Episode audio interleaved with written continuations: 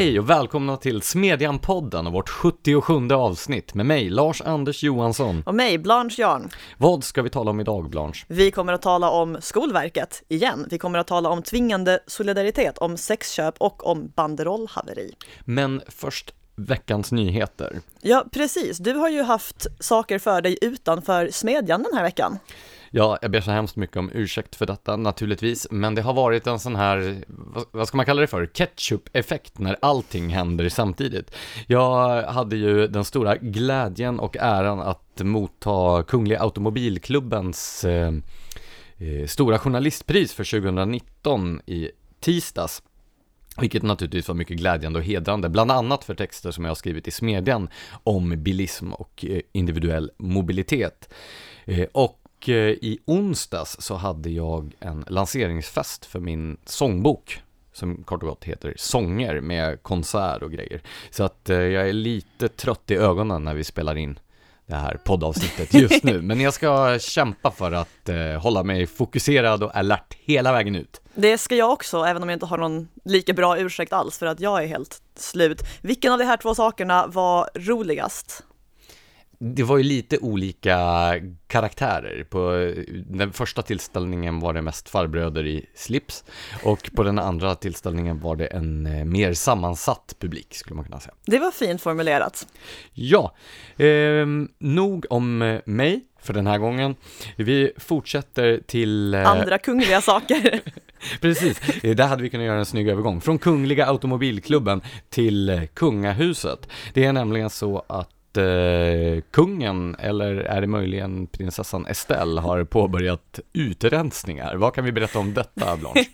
Nej, men eh, kungahuset har ju vuxit väldigt mycket på sistone i det att det får barn. Det känns som att det får barn hela tiden. Jag har inte koll på ens hälften av alla kungabarnbarn vid det här laget. Och eh, i takt med att kungahuset expanderar så blir det ju fler personer för skattebetalarna att betala för och så vidare. Och som en lösning på det tolkar jag det som har man bestämt sig för att enbart kronprinsessans barn ska vara en del av kungahuset i fortsättningen. Alltså inte deras kusiner. Men det är alldeles för tidigt för då den republikanska föreningen att fira. Det här innebär på intet sätt slutet för eh, monarkin eller kungahuset. För även om då det fruktansvärda skulle inträffa och alla inom den nuvarande reducerade kungafamiljen skulle avlida så är ju fortfarande de här personerna utanför då den mer snävt avgränsade kungafamiljen med i tronföljden så att eh, Så frukta icke! Monarkins existens är säkrad för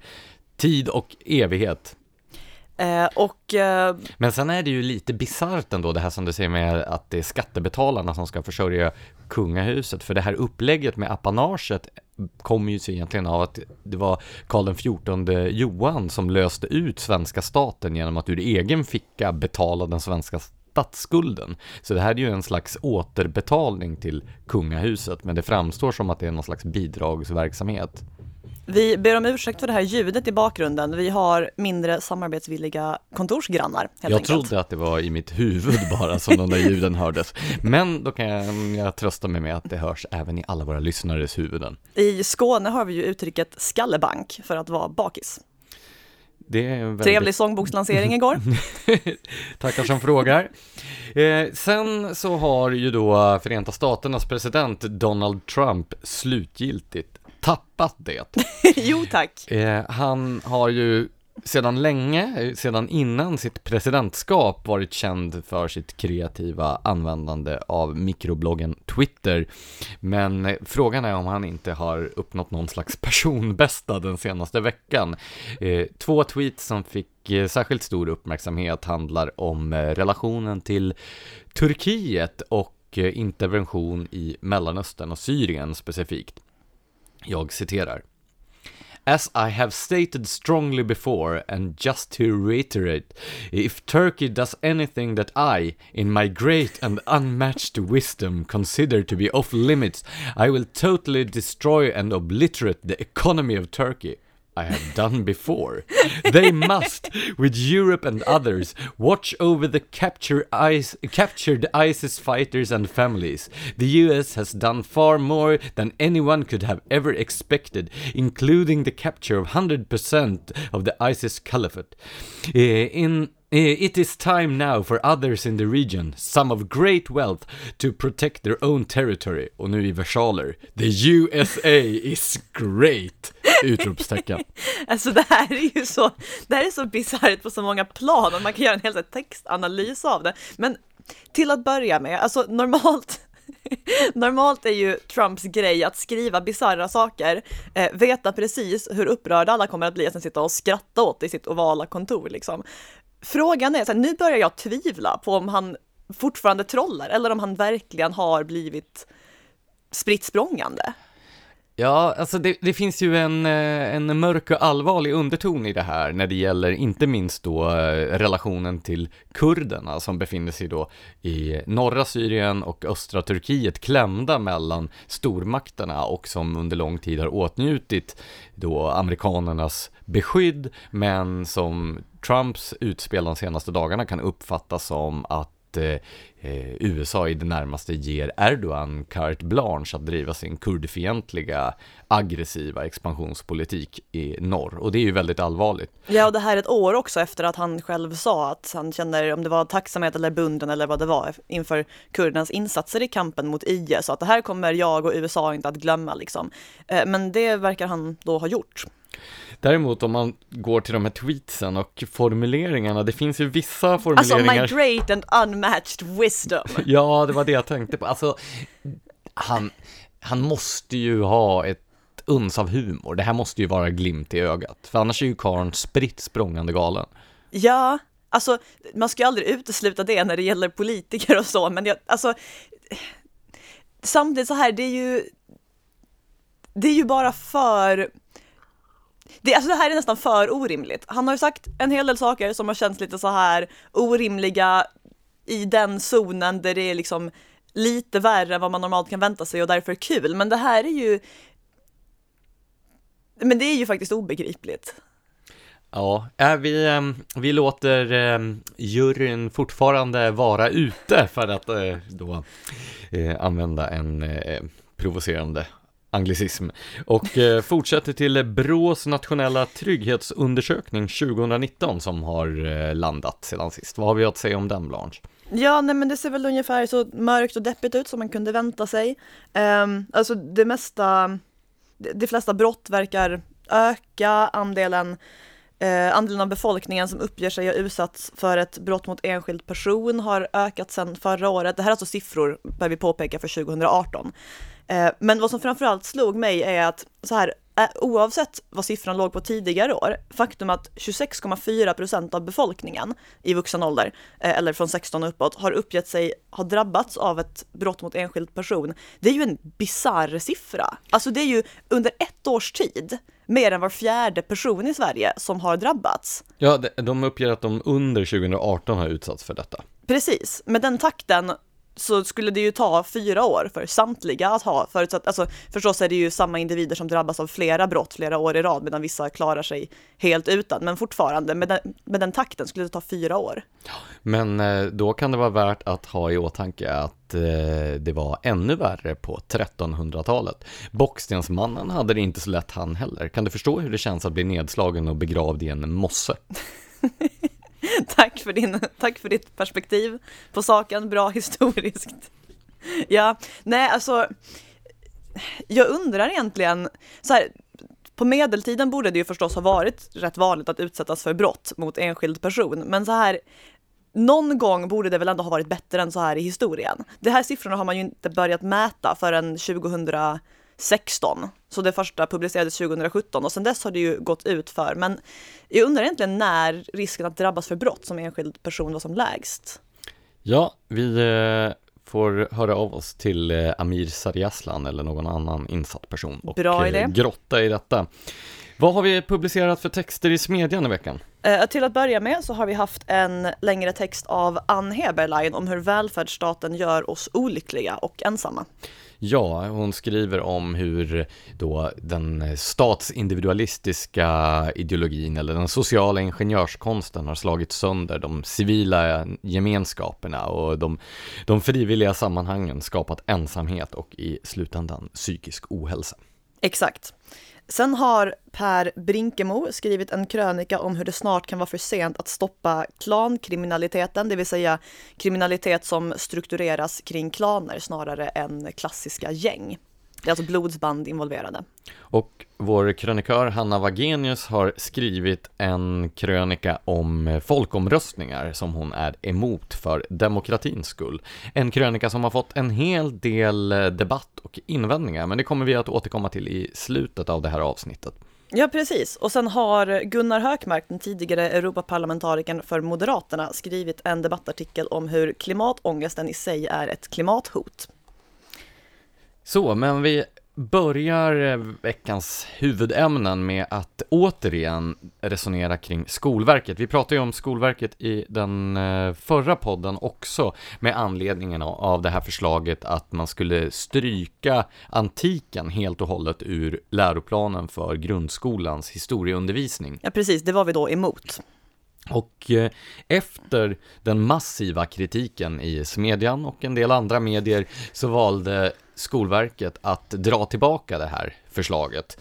Och många debattörer drog en lättnadens suck och gladdes åt det här beslutet. Men det skulle det inte ha gjort. Nej, problemet är ju att det här var inte ett olycksfall i arbetet, utan snarare toppen av ett isberg. Det ligger nämligen helt i linje med andra förändringar av läroplan som Skolverket har genomfört och har föreslagit.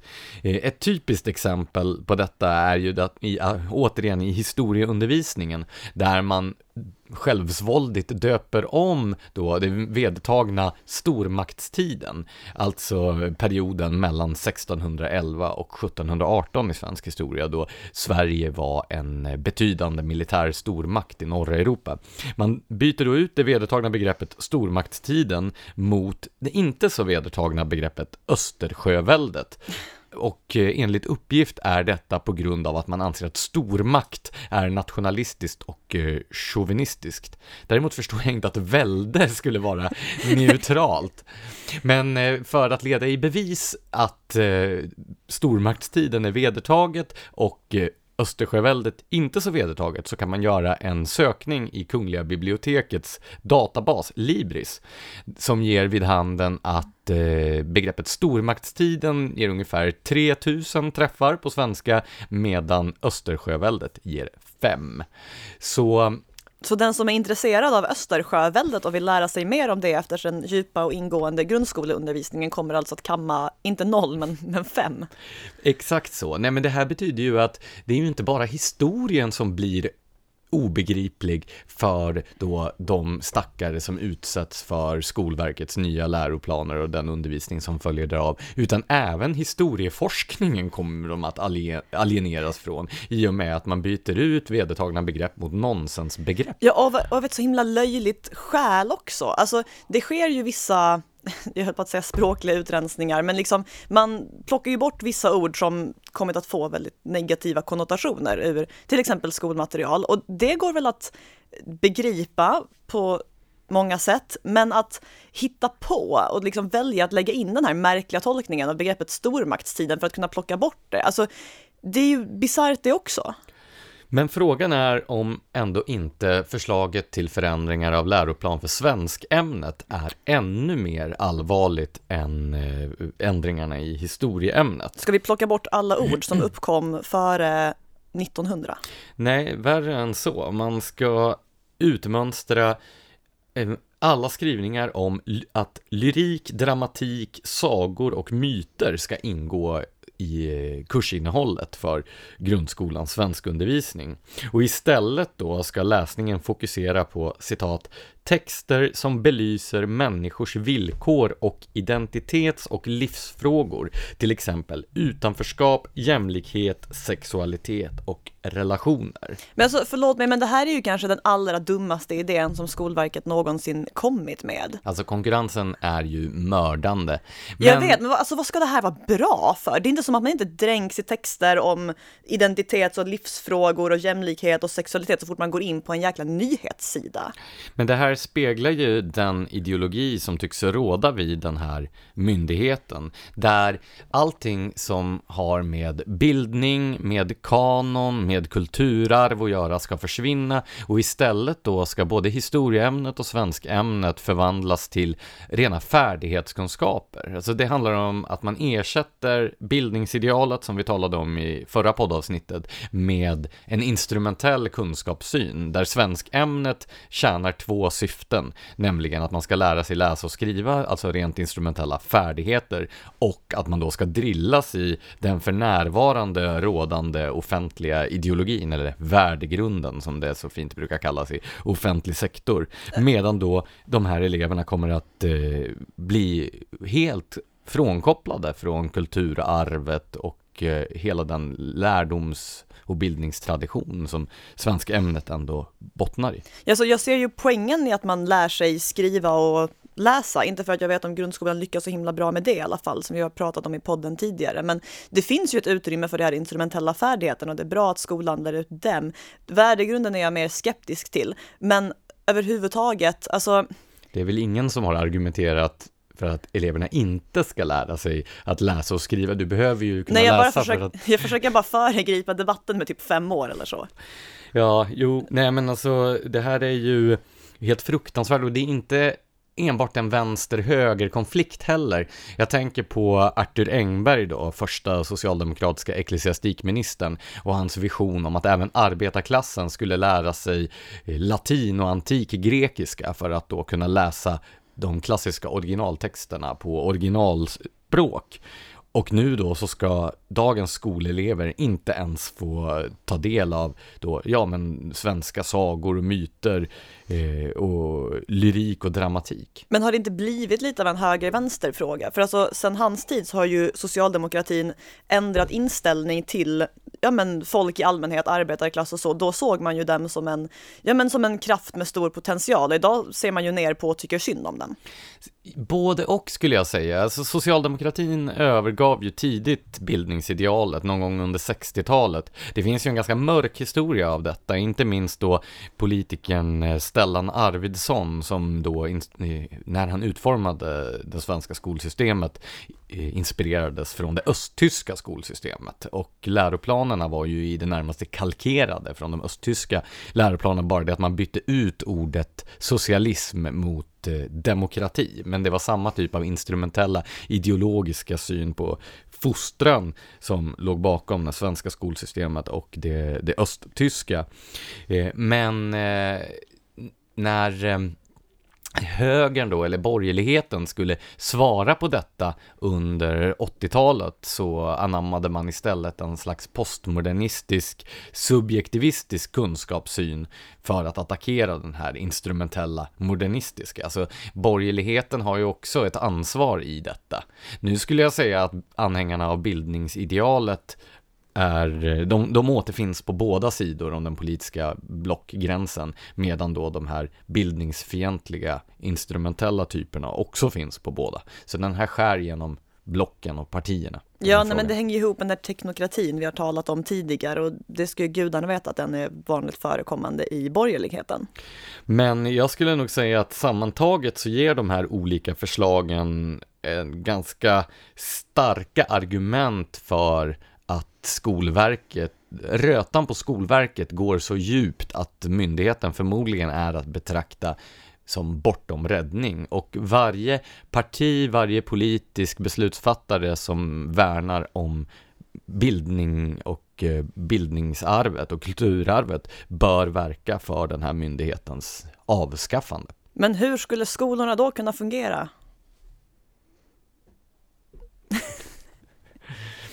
Ja, eh, Vi fortsätter till andra dysfunktionella delar av offentlig sektor, nämligen eh, EU. jo. Och eh, vår vän Ylva Johansson som, eh, hur är det nu? Har hon till slut blivit godkänd som svensk eh, EU-kommissionär? Jo men så förstår jag det som att hon har blivit. Hon blev ju underkänd i den första rundan eh, av utfrågningar i Europaparlamentet som alltså är det som drabbar den som har blivit nominerad av sin regering till EU-kommissionär.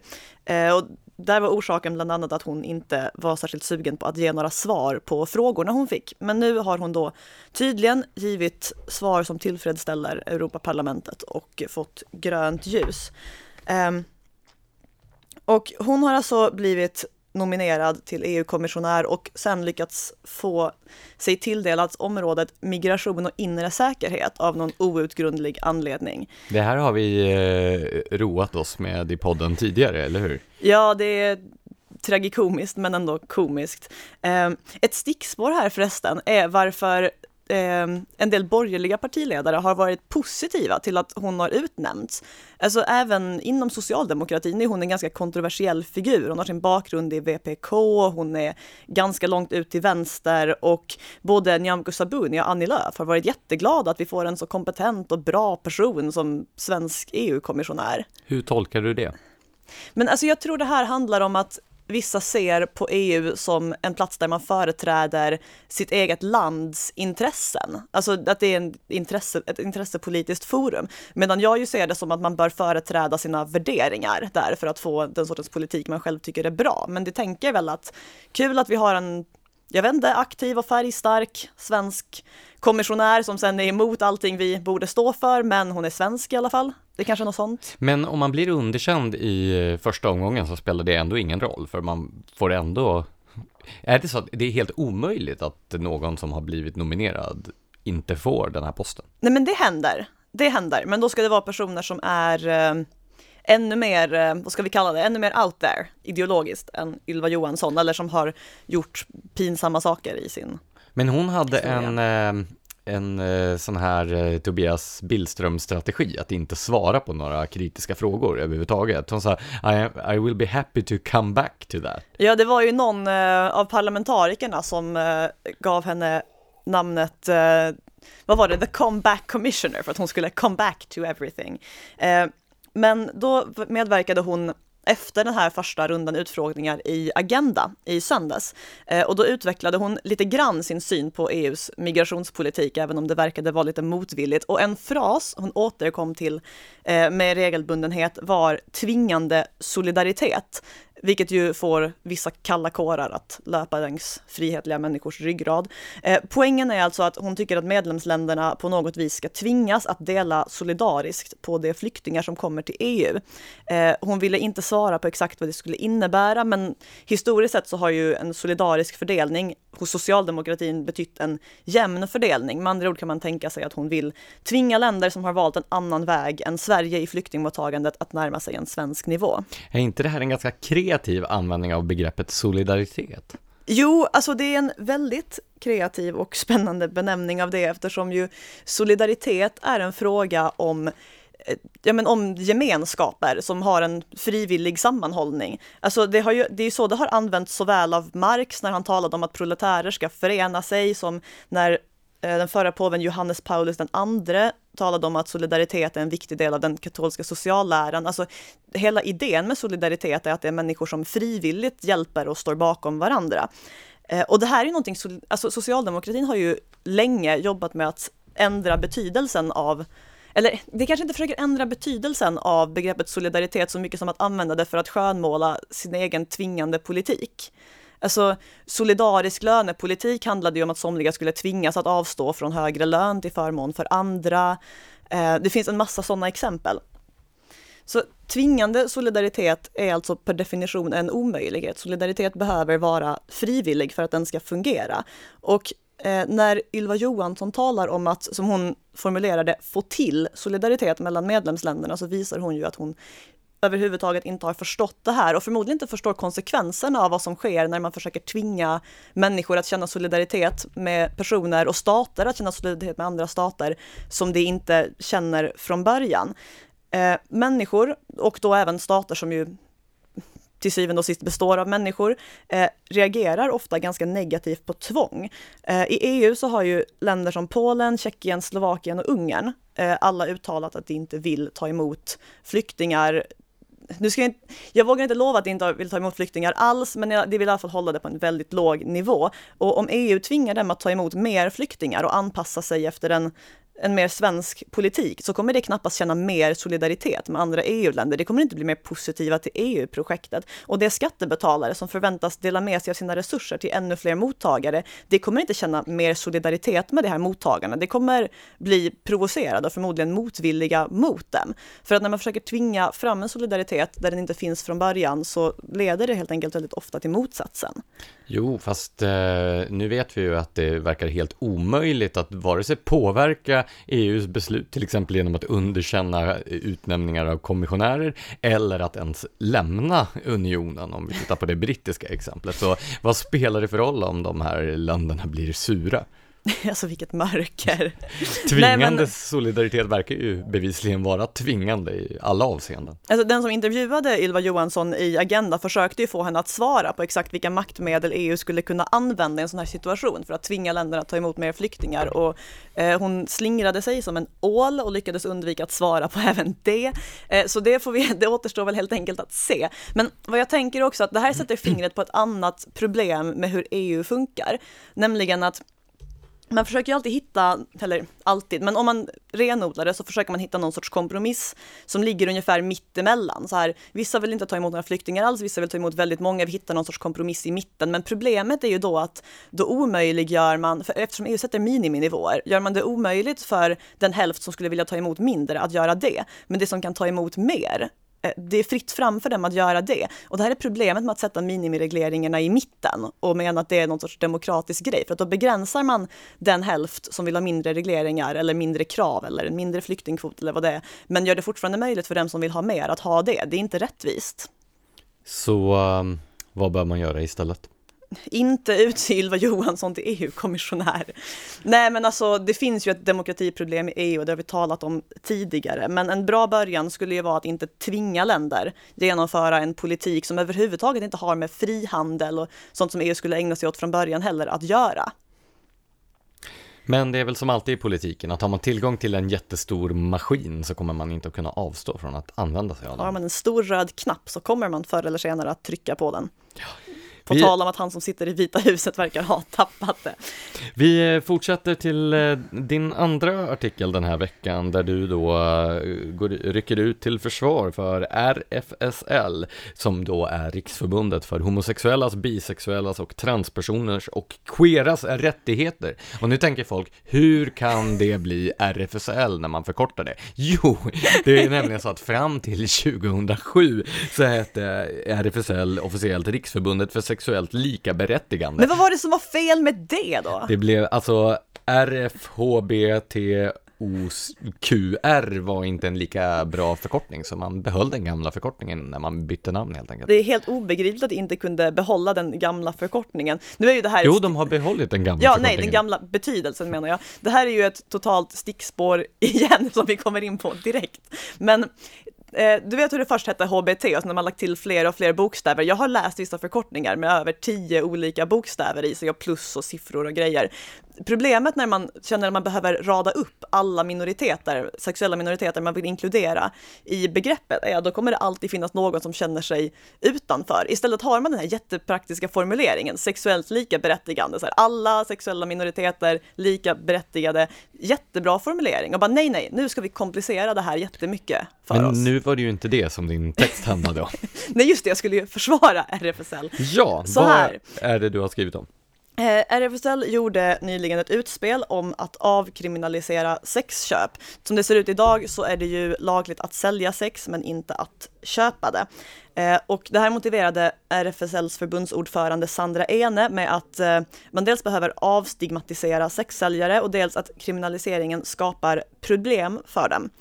Eh, och det här att man ska få köpa sex av frivilliga vuxna eh, är en, det är ett ställningstagande som alltid lyckas provocera. Eh, somliga ogillar helt enkelt prostitution och vill därför kategoriskt förbjuda allting som har med det att göra, ungefär som somliga ogillar tobak och kategoriskt vill förbjuda allting som har med det att göra. Eh, andra menar på ett lite mer humant och trevligt sätt att man absolut bör hjälpa och avstigmatisera dem som säljer sex, men att avkriminalisering bara skulle göra skada snarare än nytta. Eh, och en av dem som i debatten om RFSLs utspel har förfäktat den ståndpunkten är Gabriella Kärnekull Wolfe som eh, var endera den eller en av dem som grundade metoo-uppropet för sexsäljare för två år sedan. Eh, och hon har då Eh, personliga negativa erfarenheter av att sälja sex och beskriver det i en intervju med ETC, vill jag minnas att det var, som en relation mellan två personer där en person vill ha sex med den ena men den andra inte vill det. Och så använder man kontanter för att ja, lösa det problemet. Eh, och sådana situationer förekommer utan tvekan och det är väldigt dåligt på alla sätt och vis. Men man bör inte för den sakens skull göra misstaget att tolka enskilda upplevelser som allmängiltiga. För hur hemsk e- ens egen erfarenhet än är, så kan man inte utgå ifrån att alla andras erfarenheter har varit lika hemska. Inte ens om majoritetens erfarenheter har varit sådana, säger det alltid någonting om minoriteten. Um, det finns flera exempel på personer som ja, men som verkar som sexsäljare frivilligt och utan att åtminstone det upplever sig skadas fysiskt eller psykiskt av det. Eh, Petra Östergren intervjuade flera sådana personer i en bok 2006 eh, och för den... nu ler Lars-Anders eftersom boken har en smått vulgär titel som jag försöker undvika att eh, vad hette boken nu igen Lars? Nej, men det, om, man, om man bara googlar Peter Östergren och 2006 så kommer den att dyka upp där. You are welcome. Man kan också söka på bokens titel som är Porr, horor och feminister. Och här tänkte jag då hålla vulgonivån nere i podden, men tack, tack I'm ändå. happy to help. Mm, jag vet. Eh, så hur som helst, för det är personer som eh, frivilligt verkar som sexsäljare eh, så är förbudet mot sexköp någonting som orsakar ganska stora problem. Eh, för att även om de själva inte riskerar att straffas så riskerar ju deras kunder att straffas och då måste de fortfarande hålla sin verksamhet under jorden, vilket ju alltid innebär säkerhetsrisker. Man kan ju inte ha liksom en plats där man säljer sex alltid för att den kan lätt upptäckas utan man kanske måste åka ut till kunder som bor på märkliga ställen. Alltså det, det minskar tryggheten i branschen helt enkelt och det är förstås ett väldigt stort problem för dem. Ehm, um, och när den här boken av Petra Östergren kom så var det ju flera eh, recensenter som så riktigt påpekade att det här är ju bara ena sidan av saken. Men det är det som är poängen. Det finns flera sidor av den här saken och det finns också flera sätt att se på prostitution ur ett etiskt och moraliskt perspektiv. Hade vi inte haft ett förbud mot sexköp så skulle både det som är för och det som är emot kunna leva i enlighet med sina egna moraliska uppfattningar utan att skada någon annan. Det hade kunnat samexistera och allting hade varit åtminstone på den punkten helt okej. Okay. Men med förbudet har ju staten tagit ställning för den ena moraluppfattningen och i praktiken ogiltig förklarat den andra. Det kan man till exempel märka på hur det argumenteras och argumenterades när den här lagen infördes för 20 år sedan.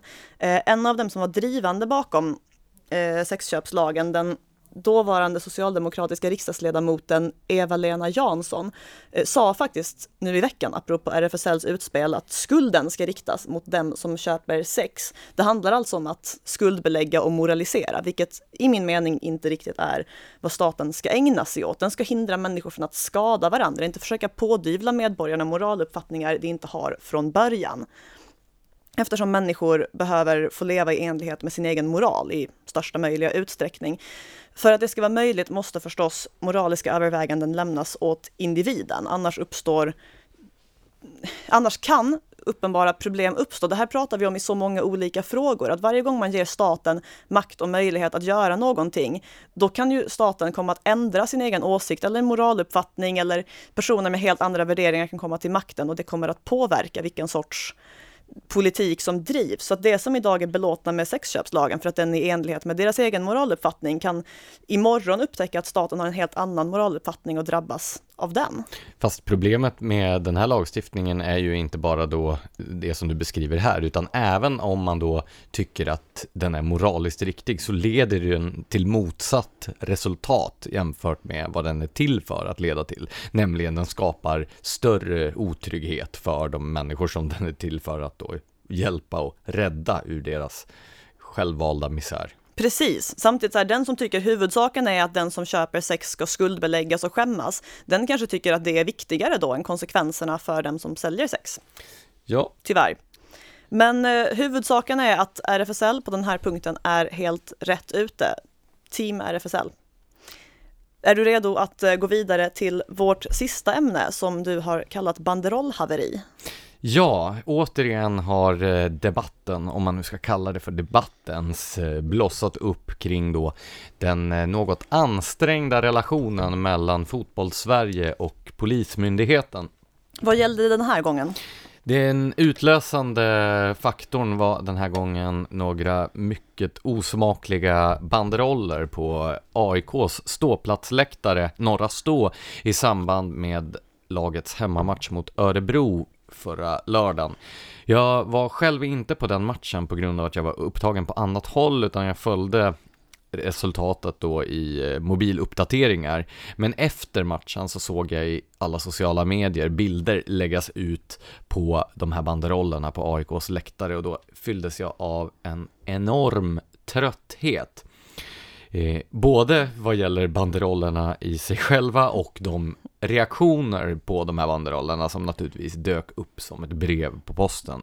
Jo, alltså det här att gå in på sociala medier och känna en enorm trötthet kan jag ju känna igen mig i. Jo, men, men det här var en extra stor trötthet. Nej, men jag förstår och sympatiserar. Det här var alltså banderoller som gav uttryck för en väldigt osympatisk bild av polisen. Ja, det var så här. Eh, det var några dagar tidigare så hade de poliskonstaplar som var involverade i dödsskjutningen av eh, Erik Torell, den här unge mannen med Downs syndrom som eh, blev ihjälskjuten av poliser i en mycket tragisk tragisk polisinsats. De hade ju blivit eh, friade för detta och eh, de här banderollerna anspelade på det här fallet som ju inte hade någonting som helst med fotboll att göra överhuvudtaget. Och eh, innehöll bland annat då uppmaningar till de involverade poliserna som var namngivna på banderollerna också att skjuta sig själva Ja, för att det hade krävt mindre kulor att, att ha ja. ihjäl den här stackars killen. Nej, men och det, det var, är ju en det var grej. fullkomligt orimliga banderoller, dels på grund av budskapet i sig och dels för att det överhuvudtaget inte har på en eh, fotbollsläktare att göra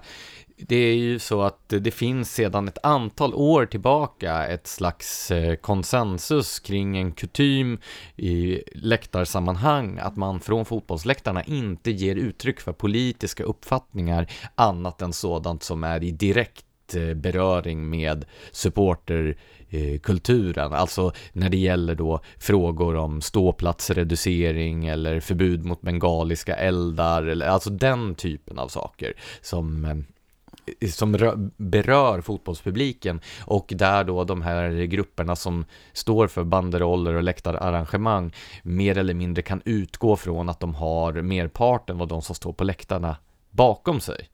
Det kan man ju då inte i det här fallet och jag tror att de flesta engagerade supportrar som såg de här banderollerna kände väl ungefär samma trötthet som jag själv gjorde. Men så har alltså inte personer i dina sociala medier tolkat de här banderollerna? Nej men det här blev ju då, precis som jag och andra förutsåg, ett tillfälle för alla de som sedan tidigare ogillar allt vad läktarkultur och fotbollsåskådare heter, eh, att då ge uttryck för den här avskyn och eh, lufta sina fördomar. För de ville ju då göra gällande att det här var något slags typiskt uttryck för då läktarkulturen, när det i själva verket är ett avsteg från vad som brukar råda. Men det gångna året har präglats av en allt sämre relation mellan supportrar, eller inte bara supportrar utan eh, mellan hela fotbollssverige, alltså inkluderande även då de stora elitklubbarna och eh, Svenska fotbollförbundet och eh, föreningen Svensk Elitfotboll och Polismyndigheten. Eh, och det har ju medfört att det finns en legitim kritik av polisen. Men det här är ju inte ett uttryck för en legitim kritik, utan det här är ju fullständigt orimligt. Men de här människorna som avskyr fotbollssupportrar och läktarkultur sedan gammalt, de tog ju det här då till eh, till intäkt för att hävda att polisen alltid har rätt och supportrarna alltid har fel. Jag såg till och med alltså politiker som var ute och använde det här för att argumentera för, ja, de, som kall, eh, till och med en som kallade sig för, jag är också en del av en hejarklack, nämligen hejarklacken till polisen. Och det är ju, Ja men det där! det är ju en ganska obehaglig syn, alltså om man tänker att eh, politiska makthavare då helt reservationslöst tar ställning för polismyndigheten och menar att polisen aldrig kan ha fel i Det sak. där, det där är en väldigt märklig inställning till så här våldsmonopolets främsta verktyg. Att så här, vad den gör så hejar jag på det. Men det är uppenbart att det finns en polarisering som är helt destruktiv här, där då de här eh, banderollerna knappast gjorde saken bättre. Jag tänkte bara säga någonting om själva bakgrunden till den här försämrade situationen. Jag som har gått på allsvensk fotboll sedan 90-talet har sett en enorm förändring, förbättring av klimatet kring allsvenska fotbollsmatcher och på, på då de här eh, på ståplatsläktarna inte minst. Jag har aldrig varit tryggare att gå på fotboll än de senaste åren. Det är väldigt lite bråk. Eh, det brukar ofta framföras i eh, debatten jämförelser mellan då musikfestivaler och konserter som också har mycket besökare och allsvenska fotbollsmatcher och så tycker förståelse på det från sidan då så här, men hur kommer det sig att det alltid behövs så mycket poliser på matcher när det inte gör det på konserter? Men faktum är att både mina egna erfarenheter och den tillgängliga statistik som finns visar att det är mycket tryggare på fotbollsmatcher än vad det är på musikfestivaler. Vi har ju då på senare år också sett ett antal olika eh, medierapporter från från musikfestivaler och konserter där det har varit sexuella övergrepp och misshandlar och allt möjligt som folk har gripits för. Så den där jämförelsen faller inte riktigt ut till musikarrangemangens fördel. Utom då rock, mus- eh, rockfestivaler som ju i princip verkar sakna sexuellt våld och den sortens brottslighet av någon anledning. Ja, det är i alla fall bättre, men eh, det var ju något fall också på Sweden Rock. Ja just det, det har du rätt i. ju. Men det som har hänt den här säsongen jämfört med de föregående är att Polismyndigheten ensidigt har valt att frångå den framgångsrika strategi som man har tillämpat under ett antal år eh, och istället eh, valt en helt annan och mycket mer repressiv väg. Vad beror det på? Finns det någon anledning till det? Alltså det är högst oklart, även då vanliga poliser, eh, alltså, som, alltså sådana som arbetar långt ner i hierarkin som jag har talat med har ställt sig väldigt frågande till de här prioriteringarna. Men bakgrunden är då någonting som, som kallas för villkorstrappan och som egentligen infördes 2016 men som den här säsongen har börjat tillämpas mycket mer kompromisslöst. Och om man ska försöka sammanfatta det här så polisen tillämpar då nolltolerans mot ordningsstörningar på fotbollsläktarna. Vilket ju är bisarrt, för det, en sån nolltolerans finns ju ingenstans överhuvudtaget i samhället annars och det är ju omöjligt att uppnå. Och eh, bland de här ordningsstörningarna som man inte ser på med blida ögon hör tändandet av bengaliska eldar och annan pyroteknik på läktaren. Eh, och för att stävja denna fruktansvärda brottslighet så är man beredd att vidta i princip vilka mått och steg som helst. Eh, dels sådana då som är helt, re, alltså helt principvidriga gentemot rättsstatens grundläggande principer, som kollektiva bestraffningar till exempel. Om en person på en läktare eh, tänder en bengalisk eld så tycker polisen att det är motiverat att då straffa hela klubben och alla andra på läktaren genom att till exempel eh, införa reducering av eh, antalet åskådare som får komma på nästa match och så vidare. Men vänta, så vi har alltså fotbollsklubbar som arrangerar de här evenemangen och sen kommer polisen och bara, ni får inte släppa in publik på den. Ja, om, eh, om det tänds en bengalisk eld på en ståplatsläktare, då tycker polisen att klubben har misslyckats med sitt eget säkerhetsarrangemang och därför straffar man klubben genom att då minska tillståndet för antal personer som de får släppa in på den här läktarsektionen. Men det där är ju ett helt sjukt sätt att förhålla sig till en förening. Ja, men det är jättemånga konstiga saker i den här nya eh, polisstrategin. Eh, till exempel så infördes eh, ett förbud mot så kallade overheadflaggor, alltså stora flaggor över läktaren som är centrala i de här läktararrangemangen som kallas TIFO. Och det motiverade Polismyndigheten med att de här flaggorna var brottsredskap eftersom personer som tänder bengaliska eldar kan springa in sen under de här flaggorna och gömma sig så att poliserna inte kan fånga dem. Men alltså, var- Ja, nej men alltså det, det är så fullständigt absurt. Ett anna, en annan sak som inträffat den här säsongen som har retat upp en massa mm, supportrar är då nya riktlinjer för kroppsvisitering vid insläppen till ståplatsläktarna som då Polismyndigheten och Riksidrottsförbundet tagit fram tillsammans och som bland annat innefattar att fotbollsåskådare ska finna sig i att bli tagna mellan benen och, bröst, och på brösten bara för att man ska säkerställa att eh, det inte smugglas in sådana här pyrotekniska pjäser. fräscht och rimligt, helt proportionerligt i förhållande till brottets allvarsgrad. Nej men det är jättekonstigt. AIK och andra klubbar har ju vägrat genomföra den här typen av kroppsvisitationer. Dels av respekt för sin publik, men också för arbetsmiljön för de entrévärdar som förväntas genomföra de här kroppsvisitationerna.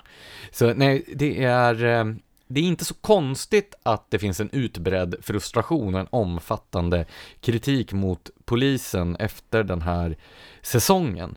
Eh, och eh, i vissa supporterkretsar, inte minst då de här så kallade ultrasgrupperingarna som är de som då brukar tända bengaliska eldar och ordnar flaggarrangemang och så, alltså de mest engagerade supportrarna, så känner man sig ju otroligt överkörd av polisen. Och där finns det en motvilja som väl ibland då, vi pratar ju också om unga människor, alltså många av de här är ju unga tonåringar som engagerar sig jättemycket, det är det hela deras liv. Och unga tonåringar har en tendens att eh, dra saker till sin spets så att det grasserar ett polishat bland sådana och kanske också ibland finns ett bristande omdöme vad gäller då kommunikation och annat. Det kanske inte är så konstigt.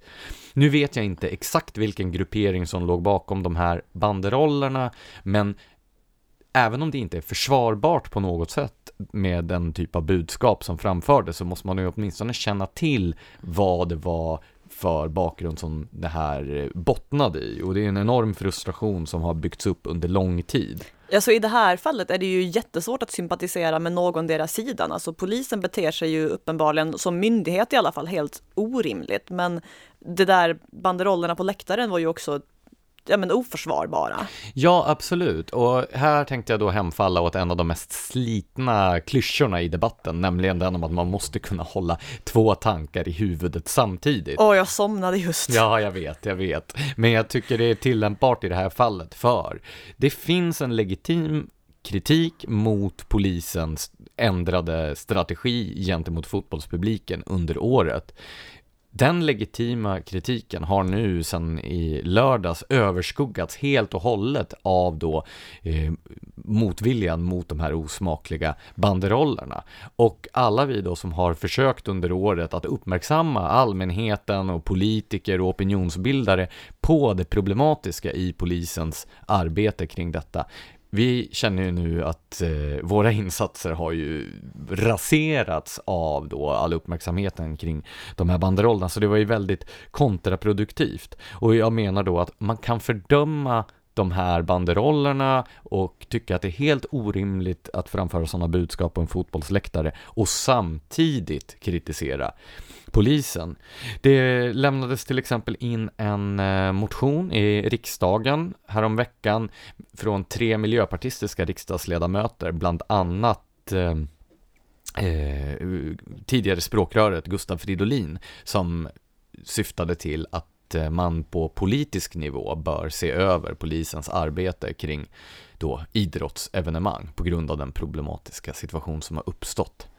Så um, avslutningsvis så ska jag väl bara säga att jag önskar att alla parter kunde sansa sig något inför nästa säsong och att man kanske påbörjar fotbollssäsongen 2020 med den inställning som präglade tiden fram till 2018 istället för att återuppta det skyttegravskrig som har rått den här säsongen. För den infekterade situation mellan polis, mellan fotbollsklubbar och mellan supporterorganisationer som råder nu gynnar ingen inblandad. Min intuition säger mig ju att det inte kommer att ske, men det är väl värt att hoppas på.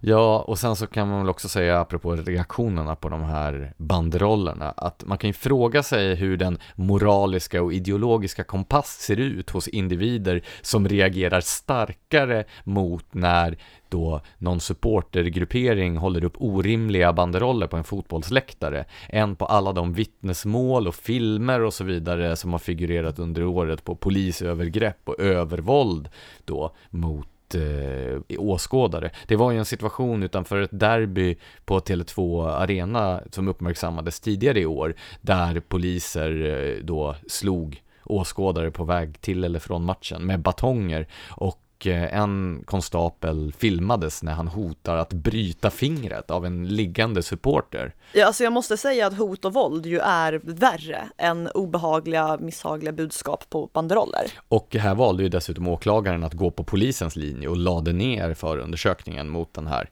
eh, identifierade kravallpolisen. Och då kan man ju som sagt fråga sig, de som tycker att osmakliga banderoller är värre än den här typen av maktmissbruk från polisen, tycker jag de är lika lite värda att lyssna på som de som står på en läktare och brölar ut sitt polishat. Och med de orden går vi vidare till veckans lyssnarkommentarer.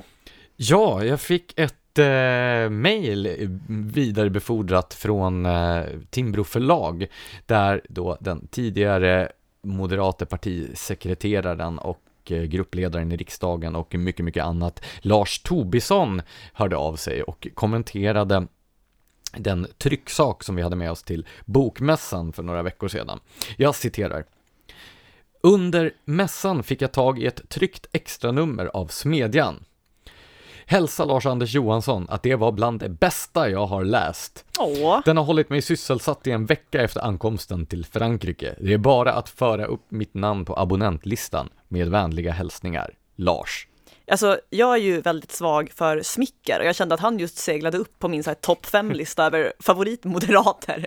Nej, men det är ju väldigt roligt när en sådan legend då eh, skriver in sig i vår prenumerantkrets med sådan entusiasm.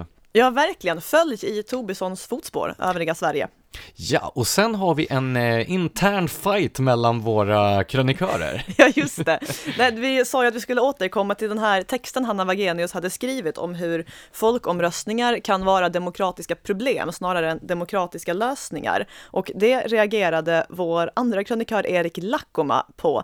Eh, han skrev ett, eh, ett bra debattinlägg som jag har förkortat en aning. Det är fortfarande ganska långt, men jag kommer ändå att läsa upp det. Så här skriver han. Eh, argumentet mot folkomröstningar att sakfrågorna det röstas om är för komplicerade för väljarna att sätta sig in i och att de olika sidorna kan påstå eller lova saker som sedan inte slår in är både logiskt och empiriskt felaktigt. Eh, för det första är det i allmänhet betydligt lättare att sätta sig in i en viktig sakfråga än att räkna ut hur utfallet av en politisk process, där kohandel förekommer, kommer att bli. Alla insåg nog exempelvis inte direkt att Annie Lööfs uttalanden före valet om att en röst på C var en röst på Ulf Kristersson som statsminister i själva verket innebar en röst på Löfven. Sen tar Lackom upp diverse andra exempel, till exempel Magdalena Andersson och bensinskatten. Eh, och så landar han sedan i att dessutom röstade ju majoriteten i eh, Storbritannien i det senaste parlamentsvalet på partier som gick till val på att deliver Brexit och det fick också något annat. För det andra finns goda exempel på hur folket är avsevärt bättre på att sätta sig in i komplicerade frågor som penningpolitik än riksdagspolitikerna. Det visade exempelvis den senaste folkomröstningen vi hade i Sverige. Och det här är ju goda poänger Erik Lackoma gör. Alltså diskussionen om parlamentarism versus direktdemokrati är väldigt intressant och det finns sunda och bra argument för båda sidorna. Men eh, jag måste nog säga att jag kanske ändå är team Lackoma här. Alltså, mitt favorit, eller mitt bästa argument mot folkomröstningar är att jag tycker att människor ska kunna leva sitt liv så befriat från politik som möjligt. Ju mindre man behöver sätta sig in i politiska frågor, desto bättre har man det, tycker jag i allmänhet. Samtidigt måste man ju sätta sig in nästan ännu mer i det politiska spelet, som ju är mycket tråkigare än sakfrågorna, eh, om man lever i en representativ demokrati. Och det är ju att argumentet för folkomröstningar har en del. Jag antar att det här är en debatt som kommer att fortsätta i smedjan framöver. Ja, låt oss hoppas det. Det är en bra debatt. Ja, och nu kommer ju vi att eh, befinna oss på annan ort under de kommande veckorna, så vi kanske ska flagga för vad som kommer att hända här i Smedjan-podden. Nästa vecka ska jag bege mig ut i de mörka skogarna i väst västra Gästrikland och försöka mörda skogens konung. Det vill säga sitta och frysa sönder i ett jakttorn. Jo, jag har ju konstaterat det där att det, det finns en gemensam eh, nämnare mellan mina olika fritidsintressen, det vill säga segling, jakt och eh, allsvensk fotboll och det handlar om att sitta länge och frysa. Antingen då att vänta på en vind som aldrig kommer, eller på ett mål som aldrig kommer, eller en älg som aldrig kommer. Så att, Fint eh, uttal. Jag vet inte vad en eh, psykolog skulle säga om det, men det är i alla fall det som förenar eh, mina fritidsintressen. Sen undrar folk varför jag har blivit arbetsnarkoman. Eh, och eh, du ska ju gifta dig. Ja, precis. Helgen efter den kommande helgen så äh, åker jag ner till Skåne och gifter mig. Det blir kul. Det är ju helt fantastiskt. Jo, tack. Och eh, sen så kommer du att åka på någon slags mini-bröllopsresa för din ondskefulla chef till att inte att vara ledig mer i en vecka, eller hur var det? Precis, jag skyller allting på dig. Eh, nej, men det kommer att ta då en vecka till och sen kommer jag att eh, återkomma som Blanche Sande. Ja, det här är ju ett problem. Här har vi då investerat två och ett halvt år av eh, varumärkesbygge och så byter du namn. Men alltså jag har ett rätt udda förnamn. Jag tror inte det finns så många Blanche i opinionsbildarbranschen. Jag tror det är lugnt. Jo, men du, eh, låter ju, du kommer ju inte att heta som en, vad var det någon benämnde det, som en smugglare i Star Wars. Oh, ja, det där är ju, jag har ju fått två så fantastiska komplimanger för namnet Blanche Jarn. Det ena var att det lät som en smugglare i Star Wars eh, och det andra var bästa Bondskurk-namnet på Twitter. Och alltså det, bland saker jag skulle vilja vara i ett annat liv så är ju bägge dessa ganska högt upp på menyn liksom. Men jag hoppas att eh, det går att göra lika kreativa tolkningar av Blanche Sande också. Så om eh, några veckor så återkommer vi då i en delvis ny skepnad. Men fram till dess så kommer vi att ha två stycken gästavsnitt under ditt gamla namn då. Precis. Eller ditt nuvarande namn. Och eh, då är det först nyss nämnde Erik Lackoma, vår kolumnist och Eh, tillika forskare på Handelshögskolan i Stockholm som gästar oss och pratar om vapenlagstiftning, eh, kommunalt slöseri och annat. Och veckan därefter så gästas vi av terrorforskaren Magnus Ranstorp som har eh, varit känd i branschen, terrorbranschen, under många år men som fick ett eh, ännu större publikt genomslag i somras då han var en av eh, sommarvärdarna i Sveriges Radio. Och nu har han ju tagit sig till ännu högre höjder genom att också gästa Smedjan-podden. Precis, nu pikar även Magnus Ranstorp. Det vill ni inte missa. Nej, Nej, men det här är två utmärkta avsnitt. Jag brukar ju vara väldigt nöjd med våra gästavsnitt, men det här är nog två av de allra bästa. Så um, bara för att vi försvinner behöver ni inte sluta lyssna på Smedjan-podden. Precis, och med de orden vill vi önska er en trevlig helg. Tack för att ni har lyssnat.